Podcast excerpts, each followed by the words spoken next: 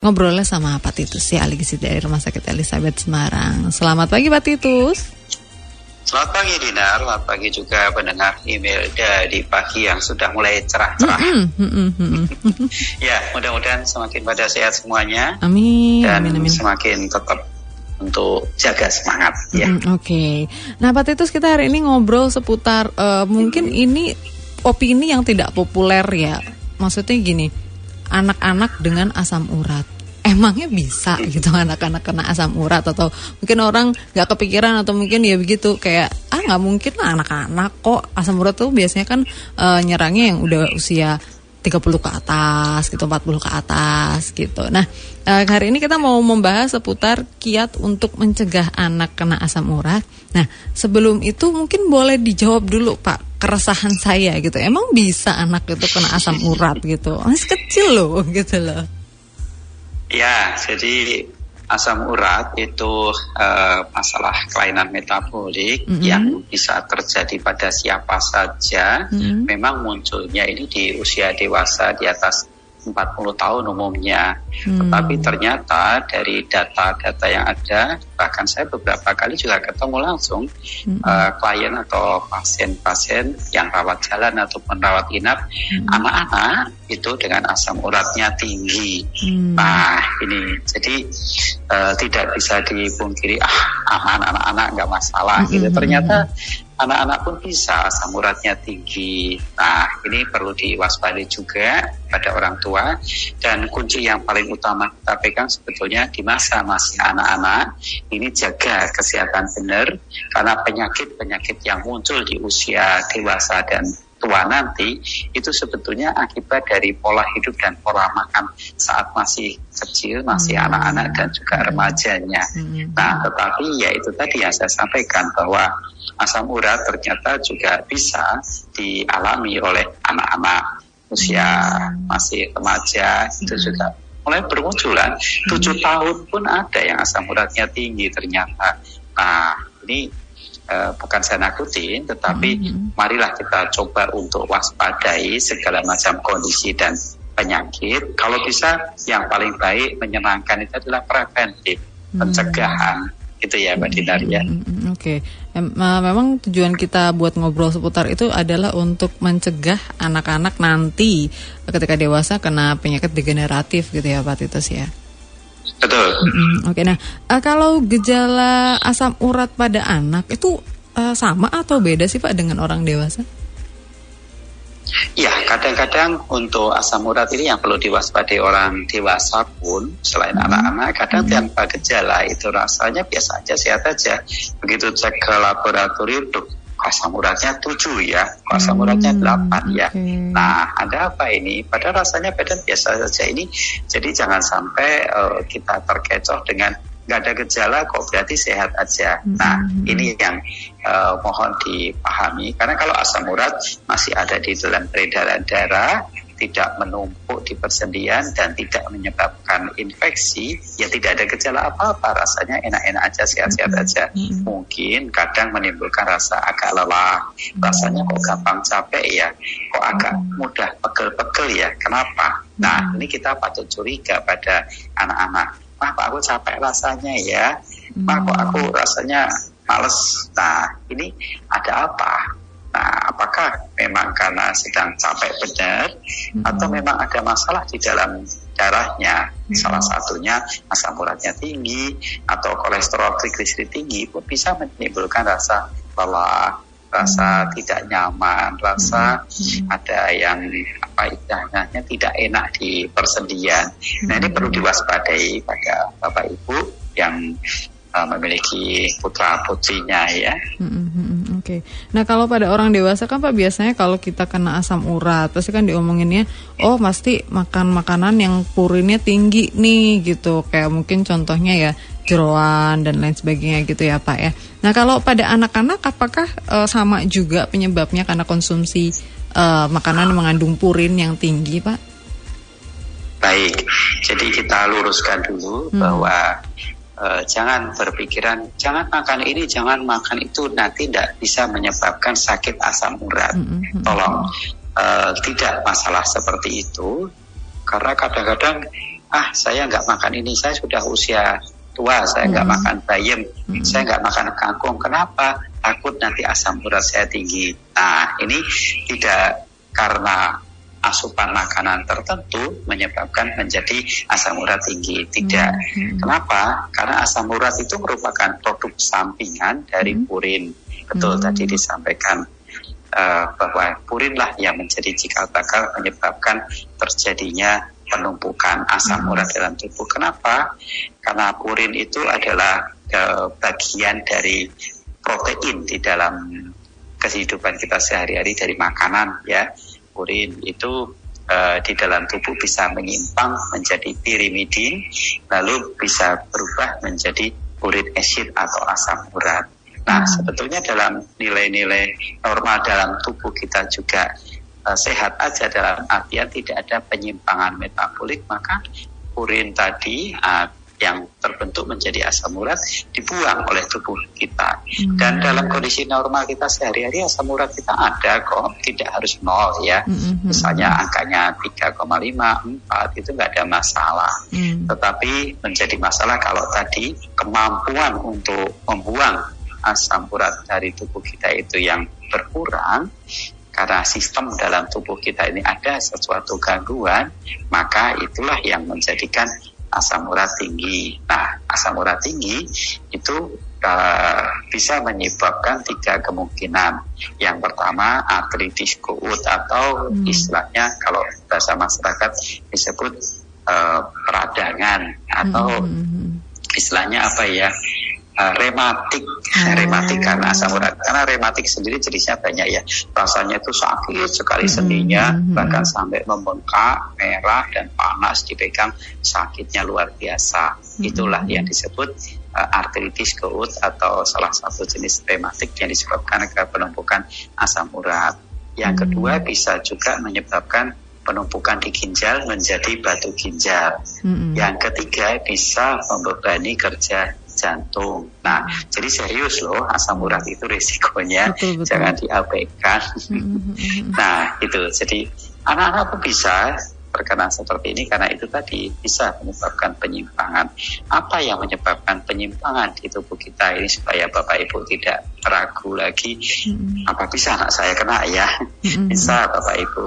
Tetapi juga jangan khawatir bisa diminimalisir atau dicegah kok. Hmm. Nah, ini dengan cara bagaimana? Tolong Bapak Ibu jaga berat badan anak-anak karena berat badan berlebih atau obesitas ini angka obesitas di Indonesia cukup meningkat hmm. oh. agak pesat ya ini oh. yang perlu diwaspadai Bapak Ibu ya tolong anak-anak jangan terlalu gemuk karena gemuk hmm. itu akan menyebabkan beban metaboliknya jadi berat bahkan oh. secara ilmu kesehatan obesitas itu sudah merupakan diagnosa penyakit Nah, ah. ini sakitnya apa? Sakit obesitas. Jadi jangan bangga kalau punya anak gemuk. Ya. Hmm. Tetapi justru waspada hmm. ini. Tapi kalau kurus juga jangan. Ya, hmm. yang paling bagus ya ideal normal-normal aja sesuai antara perbandingan tinggi dan berat badan dengan bisa dilihat di grafik. Ya. Nah, hmm. tolong satu jaga berat badan Kemudian yang kedua itu tolong diusahakan jaga asupan protein. Mm-hmm. Oh, protein itu penting untuk pertumbuhan supaya daya tahan tubuh juga bagus. Apalagi di masa pandemi saat ini kan butuh daya tahan. Salah satunya adalah protein yang cukup. Tapi kalau protein berlebih Nah, ini bisa tubuh kita nggak tahan, lalu bisa terjadi penyimpangan tadi karena asam urat tadi kan berasal dari purin. Purin hmm. itu kan bisa menyimpang menjadi pirimidin. Nah, hmm. nah, pirimidin itu kan salah satu jenis penyimpangan dari protein, nah, salah satu jenis asam amino ya. Hmm. Nah, ini yang perlu dijaga. Jangan terlalu berlebih bahkan binaragawan, olahragawan pun kalau zaman dulu makan ayam yang banyak, telur yang banyak. Sekarang sudah enggak lagi karena ternyata tidak seefektif itu justru malah berisiko hmm. membebani kerja organ tubuh kita ginjal kerjanya jadi hmm. berat hmm. bisa terjadi penyimpangan terbentuklah asam urat dan lain sebagainya jadi segala sesuatu berlebih tidak bagus ya hmm. nah ini tolong jaga asupan protein yang cukup kemudian minum tolong yang bagus jumlahnya yang cukup karena banyak di rumah kurang aktivitas terus kurang minum. Nah ini bahaya Bapak Ibu tolong yang di rumah anak-anak sekolah daring hmm. Tetap dijaga aktivitas olahraga tolong ayo ajak aktivitas ya Bapak Ibu jangan kurang aktivitas bahaya hmm. dengan olahraga keluar keringat lalu nanti bisa minum lagi yang banyak nah dengan minum yang cukup itu akan membantu melarutkan dan membantu mengekskresikan sisa-sisa metabolik dalam tubuh kita salah satunya asam urat. Nah, itulah kiat-kiat supaya jangan sampai terjadi penumpukan asam urat.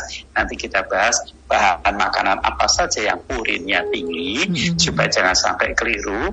Eh, kadang-kadang uh, masyarakat tidak boleh makan bayam kangkung. Kalau saya sebut semua penyakit asam urat tinggi boleh makan semua jenis sayuran karena hmm. tidak ada satupun sayuran yang kadar urinnya tinggi.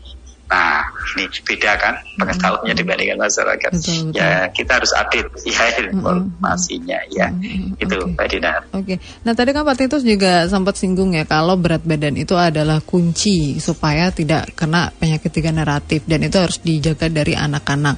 Nah, protein juga kan e, bagus protein itu untuk pertumbuhan tapi tidak boleh terlalu banyak. Nah, Terkadang gini Pak Titus, banyak atau sedikit itu kan relatif ya. Menurut saya banyak, tapi menurut orang lain mungkin sedikit gitu. Nah, untuk kebutuhan anak-anak sendiri Pak Titus, untuk kebutuhan protein itu baiknya berapa sih sehari gitu, yang mungkin bisa ditakar sama ibu-ibu di rumah gitu? Ya, Uh, penting sekali memang menakar kebutuhan itu kalau kita tidak bisa lagi kira-kira sudah cukup atau belum hmm. ya nggak boleh sekarang hmm. harus tahu persis menakar ya kalau di Eropa di Amerika itu hmm. anak-anak hmm. kecil sudah benar-benar dilatih dididik seberapa porsi makannya untuk memenuhi kebutuhan gizinya oh proteinnya butuhnya 40 gram per hari berarti 40 gram itu terdiri dari apa seberapa apa seberapa Nah, ini yang perlu mm-hmm. dipahami Bapak Ibu. Kita harus mulai berlatih untuk menghitung kecukupan gizi anak-anak, lalu menghitung seberapa yang harus dimasukkan. Hmm. Tidak bisa hanya, oh satu butir telur, oke lah cukup. Nah, hmm. apa yang ada di dalam kandungan satu butir telur, oke kita patah pahami, satu butir telur berat kotornya 60 gram, berat bersihnya sekitar 50 gram, kandungan proteinnya itu 7 gram satu butir telur. Hampir sama dengan tempe yang satu potong atau tahu yang besar itu 100 gram tahu kira-kira 7 gram protein. Beda dengan ayam itu satu paha ayam kira-kira sekitar 8 sampai 10 gram protein. Nah, daging satu kerat sekitar 50 gram itu mengandung protein sekitar 10 gram. Ikan 100 gramnya kira-kira sekitar 12 sampai 21 sampai ada yang sampai 25 gram protein. Nah ini Bapak Ibu bisa cari gampang di Google mm-hmm. kandung-kandungan zat gizi itu sehingga bisa mengetahui oh ini nilai gizinya sekian, oh ini proteinnya sekian.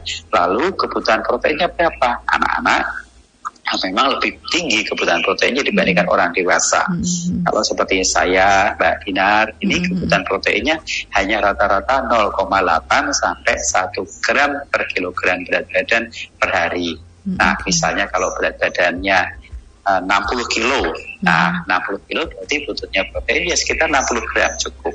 Nah, hmm. bisa terdiri dari makan apa saja nanti kita bisa hitung ya. Hmm. Kalau anak-anak berapa? Anak-anak Eh, rata-rata uh, sekitar antara satu setengah sampai maksimal 3 gram, jangan lebih dari 3 gram per kilogram berat badan per hari. Ini bahaya kalau hmm. terlalu berlebih protein ya. Hmm. Sudah cukup sekali kok untuk pertumbuhan sampai dua setengah saja sudah cukup. Bahkan rata-rata kebutuhan protein anak-anak itu hanya sekitar satu setengah gram protein per kilogram berat badan per harinya. Tinggal kalikan dengan berat badannya berapa. Nah, hmm. itu otomatis nanti bisa kita tahu oh kebutuhan proteinnya sekian. Hmm. Kemudian kalorinya juga Bapak Ibu bisa menghitung banyak cara dicari di Google untuk hmm. menghitung kebutuhan kalorinya berapa, proteinnya berapa. Nah, dua unsur inilah yang penting kita perhitungkan asupan sehari-hari protein dan energi. Nah, nanti lemak tolong dipertimbangkan jangan berlebih juga karena uh, usia berapapun itu lemak tidak boleh berlebih ya, apalagi hmm. orang dewasa. Hmm. Kalau anak-anak mungkin agak kendor sedikit lemaknya, hmm. tapi jenis lemaknya juga orang dipertimbangkan jangan lemak jenuh yang hmm. kuat sekali kandungannya hmm. itu juga berisiko ya. Hmm. Nah ini yang tolong dipertimbangkan Bapak Ibu seberapa kebutuhannya, lalu setelah tahu kebutuhannya jenis makanan apa yang bisa diberikan untuk memenuhi kebutuhan gizi anak-anak kita. Hmm. Nah, tolong cari tahu Bapak Ibu supaya anak-anak kita itu sehat optimal ya optimal itu ya sebatas yang kita harapkan itu kita dapatkan pada anak kita dengan daya tahan tubuh yang baik, tidak mudah sakit, pertumbuhan tinggi badannya juga bagus. Nah, ini yang kita harapkan kan seperti itu ya, Mbak Dina. Segala sesuatu yang kita harapkan butuh usaha, tidak hanya bisa datang begitu saja. Enggak, harus usaha. Oke. Okay.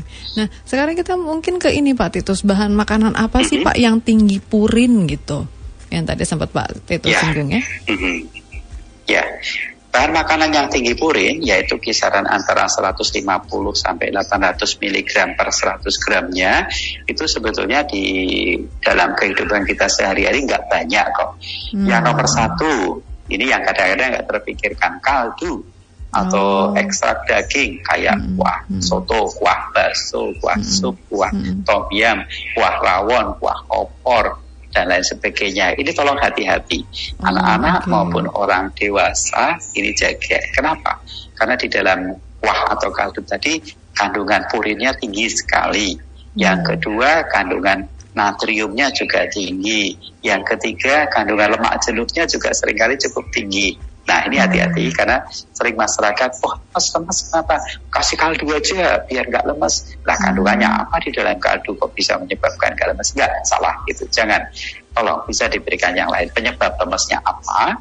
Lalu ditanggulangi penyebabnya. Jangan asal, oh lemes kasih kaldu. Jangan ya. Oh, Tolong kaldu tidak baik hmm. untuk anak-anak hmm. maupun untuk orang dewasa.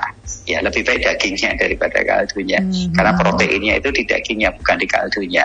Ini yang tolong uh, saya koreksi, perbaiki Bapak Ibu karena sering kali anak-anak kasih kaldu mm-hmm. biar kuat, biar sehat. Mm-hmm. Ya biar kuat sehat bukan kaldunya karena proteinnya sangat kecil sekali dalam kaldu. Justru resikonya malah besar.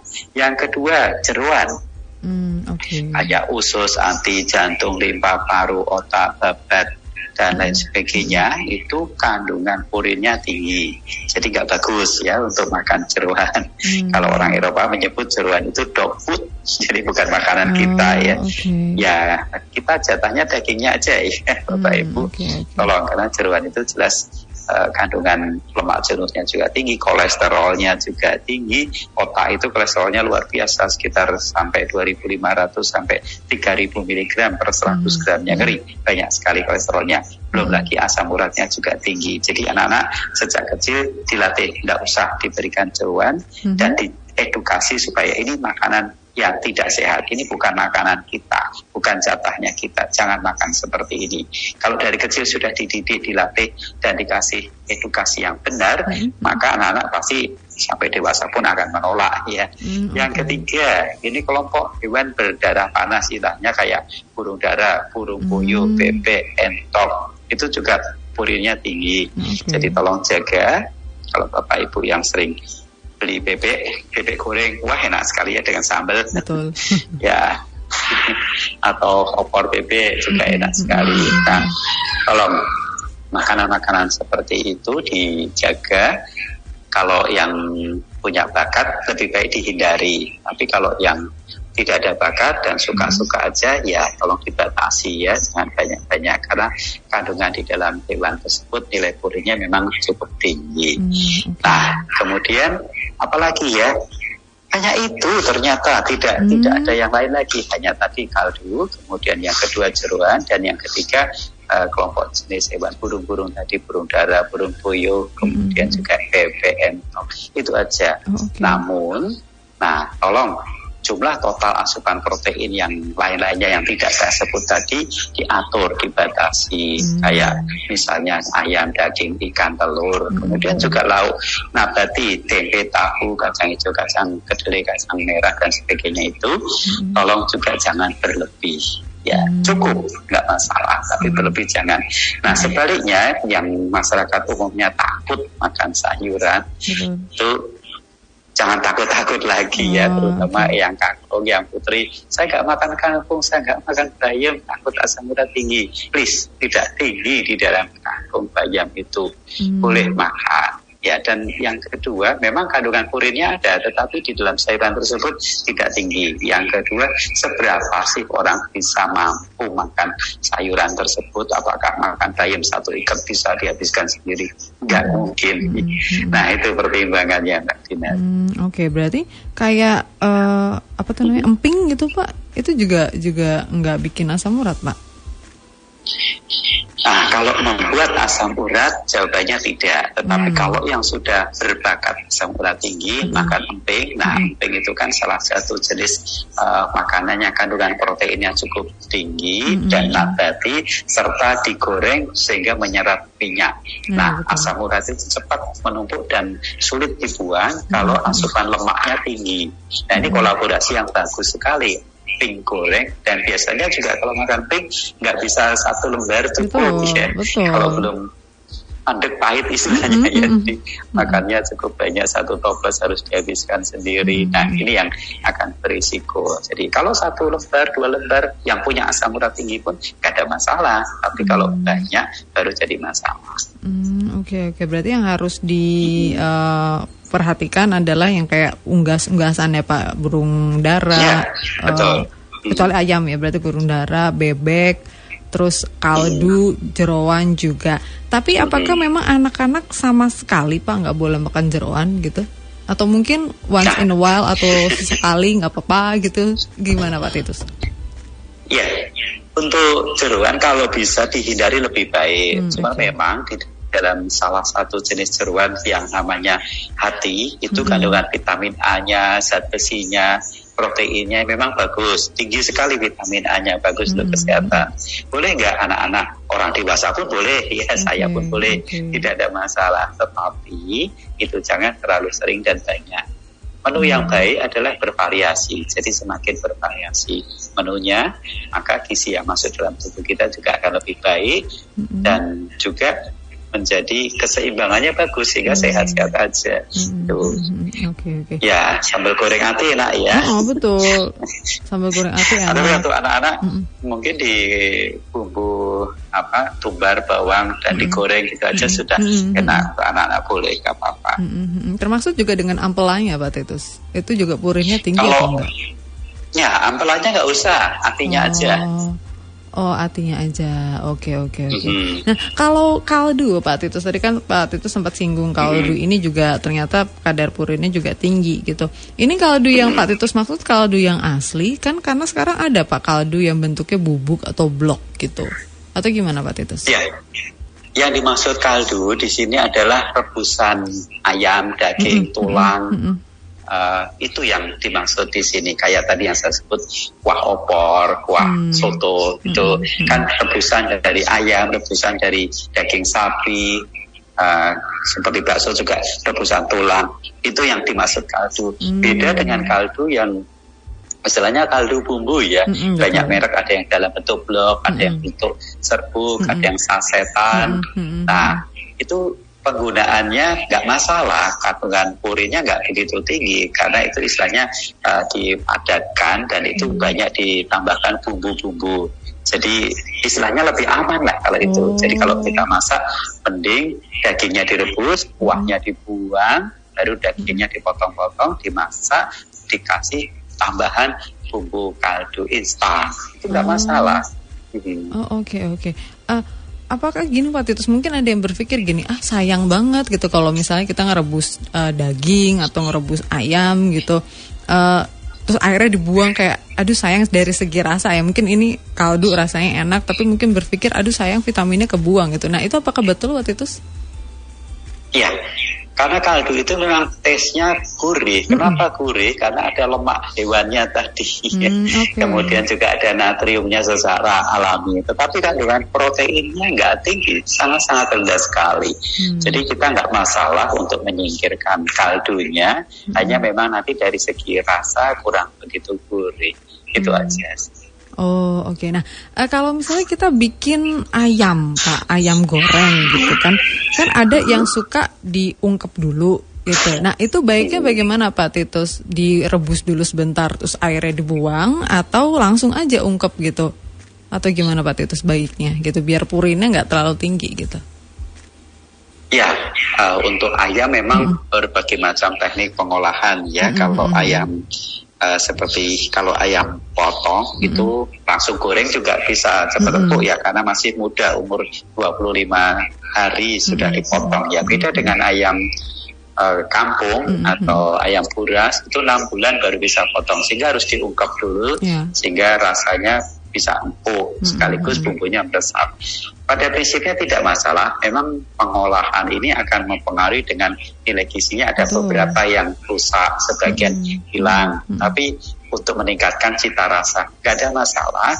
Cuma kalau uh, ayam diungkep itu ya tentunya kalau uh, kuahnya atau kaldunya nggak usah dimanfaatkan, dibuang aja nggak masalah. Oh nanti ayamnya yang digoreng. Hmm, oh berarti nggak nggak perlu direbus dulu sebentar, terus baru diungkep sama bumbu kuning gitu, langsung aja diungkep gitu, is oke okay, nggak masalah Pak Titus.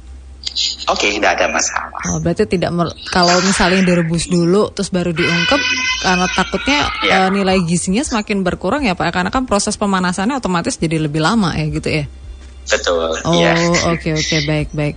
Oke, berarti kaldu, jeroan dan juga macam-macam unggasan ini kita harus uh, diperhatikan jumlahnya tapi bukan sama sekali nggak boleh ya Pak Titus ya buat anak ya hmm, betul ya mm-hmm. bukan bukan benar-benar menghindari bukan mm-hmm. uh, prinsip pola makan yang sehat itu bukan banyak pantangan ini dan itu tetapi yang penting adalah bervariasi memperhatikan porsinya mm-hmm. kemudian komposisinya itu yang penting mm-hmm. Nah, kalau misalnya makanan yang seperti uh, kalau kita bilang junk food gitu ya Pak Titus ya, yang cepat saji atau fast food gitu. Nah, apakah ini juga berisiko meningkatkan asam urat Pak Titus untuk anak-anak?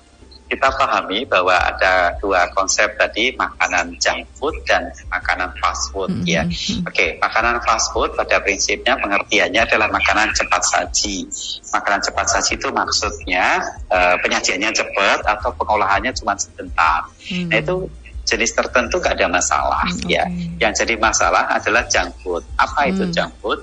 makanan sampah bahasa Indonesia betul, ya. Betul, betul. Nah, apa artinya makanan sampah? Artinya nilai gizinya tidak seimbang atau bahkan mungkin ada yang berbahaya ya. Ya satu contoh menu-menu makanan yang ya, banyak beredar di pasaran, misalnya nasi dengan ayam goreng tepung dengan saus saja. Nah, hmm, hmm, apakah hmm. itu makanannya sehat? Tentu tidak. Kenapa? Karena nggak ada sayurnya, kemudian juga nggak ada lauk nabatinya, sehingga disebut itu junk food karena menunya tidak seimbang. Nah itu atau contoh-contoh makanan yang lain ya kita saya sebutkan tapi mudah-mudahan Bapak Ibu bisa pahami apa itu junk food, makanan sampah. Artinya apa? Makanan yang tidak seimbang atau mengandung makanan yang berbahaya untuk kesehatan kita. Hmm. Okay. Gitu mudah-mudahan bisa ditangkap ya, mm -hmm. ya. Oke. Okay. Ah, terakhir Pak Titus mungkin boleh disimpulkan uh, Pak tentang obrolan kita di hari ini gitu. Dan yang terpenting tips bagaimana supaya uh, orang tua di rumah ini bisa mencegah anaknya uh, supaya nanti dia tidak kena asam urat dan juga penyakit degeneratif lainnya dimulai sejak anak masih kecil gitu Pak Titus silahkan. Ya, terima kasih. Jadi Bapak Ibu, untuk kita memiliki keturunan anak-anak yang sehat, tidak berisiko terhadap penyakit-penyakit degeneratif, terutama yang kita bahas saat ini adalah mencegah asam urat muncul pada anak-anak. Karena tadi Mbak Dina sempat, apa bisa anak-anak terkena asam urat tinggi ya? Ternyata ada di masyarakat walaupun memang secara angka survei atau statistik tidak tinggi dibandingkan hmm. orang dewasa. Tetapi uh, kita tetap waspadai karena anak-anak yang beberapa kali saya temui di rumah sakit kebetulan saya di Elizabeth beberapa kali ketemu juga anak-anak usia 7 tahun asam uratnya tinggi 12 tahun asam uratnya tinggi. Nah kenapa? Ini bisa memang ada kelainan tertentu dari organ tubuh, tapi juga bisa karena berat badan yang berlebih, hmm, okay. kurang minum, asupan makanannya terlalu berlebih protein. Hmm, Maka. Uh, saya pesan Bapak Ibu tolong jaga pola makan yang sehat itu adalah seimbang gizinya, tidak ada yang berlebih, tidak ada yang kurang, lalu menunya bervariasi dan tepat waktu makan. Hati-hati Bapak Ibu, kalau bisa juga hindari saja seperti kaldu itu untuk usia berapapun tidak baik, anak-anak pun tidak baik. Kenapa harus dikasih kaldu? Karena kandungan gizinya kalau tidak banyak justru zat-zat yang berbahaya yang masuk ke dalam tubuh kita. Lalu jeruan itu juga makanan yang tidak sehat, maka tolong tidak usah kita latih anak-anak untuk diberikan jeruan. Kemudian uh, berusaha untuk bau-baunya diusahakan cukup, jangan berlebih, jangan kurang, supaya pertumbuhannya tetap optimal, tetapi tidak muncul risiko-risiko penyakit yang berbahaya atau mengancam kesehatan di masa dewasa atau usia tuanya nanti. Itu mungkin Dinar yang bisa ya. saya sampaikan, mudah-mudahan bermanfaat dan bisa memberikan pencerahan kepada Bapak Ibu pendengar ini. Dan sekalian ya mudah-mudahan bermanfaat ya. Terima kasih.